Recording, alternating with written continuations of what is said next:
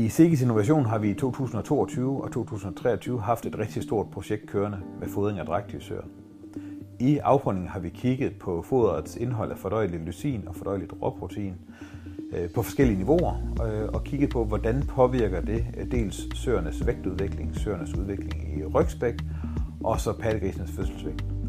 Øh, og hele formålet med det, det er jo, at vi ønsker egentlig at anvende øh, så lavt et niveau af lysin og fordøjelig råprotein som muligt, øh, fordi det begrænser søernes egen tilvækst. Det mindsker også udledningen af kvælstof til miljøet. Øh, det giver nogle mindre søer, som derved har lettere ved at holde. Omvendt så tør vi ikke at gå længere ned i lysin, end at fødselsvægten ikke påvirkes negativt. I afprøvning der har vi kørt med, med samme foderkurve, det vil sige samme mængde fodernhed de første fire uger, de næste 8 uger og de sidste 4 uger af drægtigheden, sådan at det kun er foderets indhold af, af fordøjelig lysin og fordøjelig råprotein, der er ændret mellem grupperne. Øh, og det er et rigtig stort forsøg, der har kørt rigtig mange måneder i en besætning op i det nordjyske.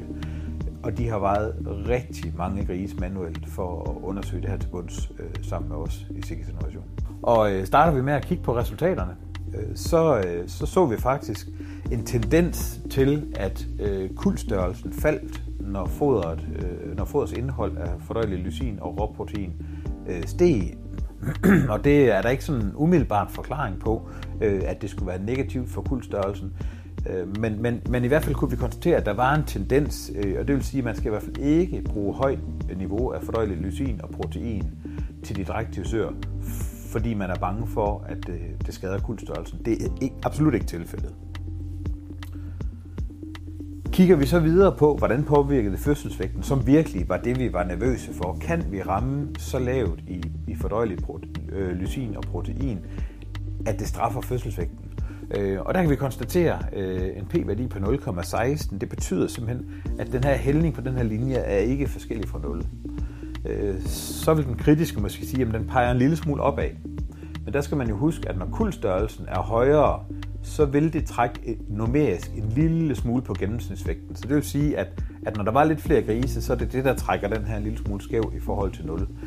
Der er ingen statistisk sikker sammenhæng øh, over til fødselsvægten. Så vi skal ikke være bekymrede over at bruge øh, blandinger med lavt lysin og proteinindhold.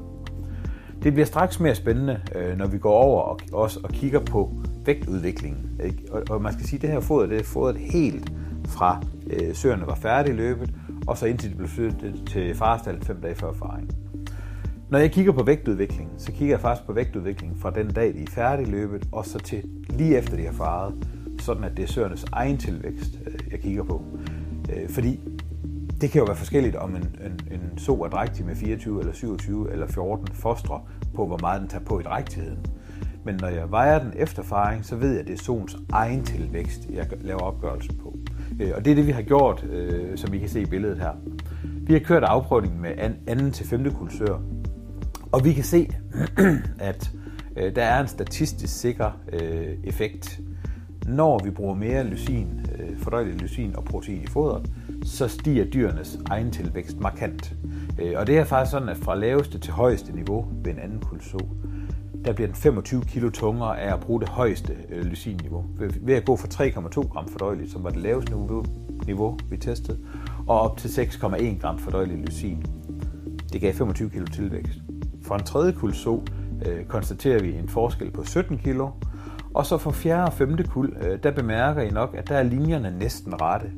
Øh, og det er faktisk meget interessant, at de er det, Øhm, det tyder på, at vi fodrer så tæt på vedligehold. De er større, de her søer, så de har et højere vedligeholdelsesbehov.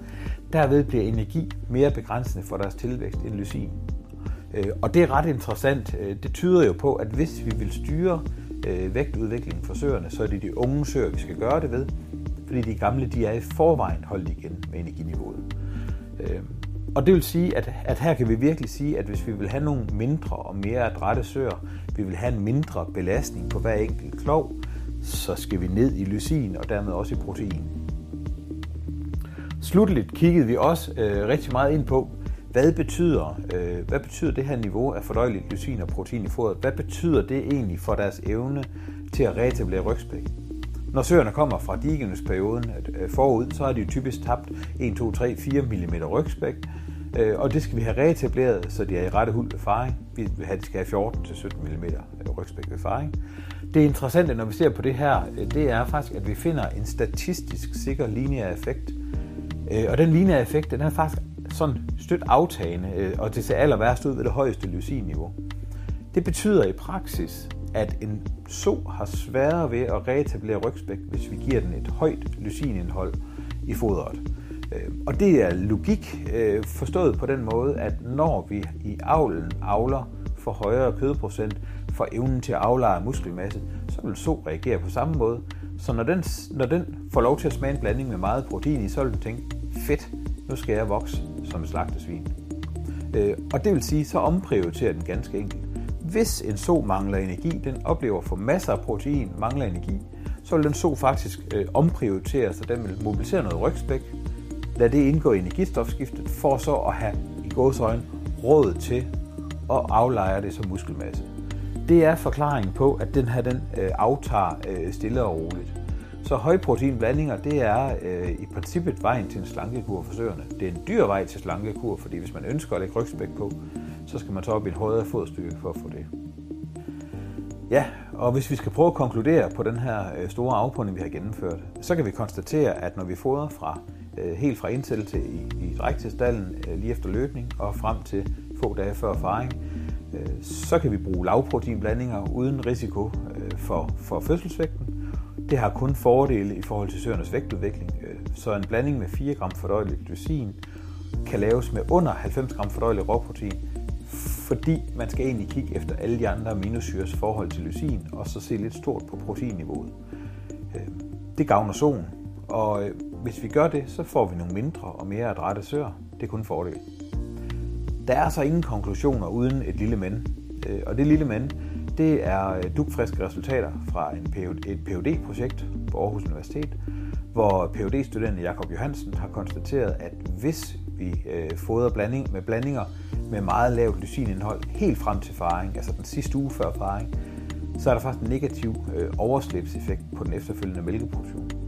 Øh, og, og, og måden det bliver undgået på, det er ved at sikre, at fodret indeholder lige knap 6 gram fordøjelig lysin per fodenhed de sidste 7 dage før faring. Så opnår man den, det maksimale potentiale for mælkeproduktion efterfølgende. Så kan man så sige, at hvis ikke solen kommer i farestallen en uge før faring, hvad skal man så gøre? Så må man udtænke sig, øh, hvad kan man gøre? Øh, skal man ind og køre noget manuelt i dræk til stallen? Under alle omstændigheder, så kan vi konstatere, at de resultater de er, de er ret klare, og, og at det koster noget på mælkeproduktion, hvis ikke man får solen ordentligt forberedt på faringen.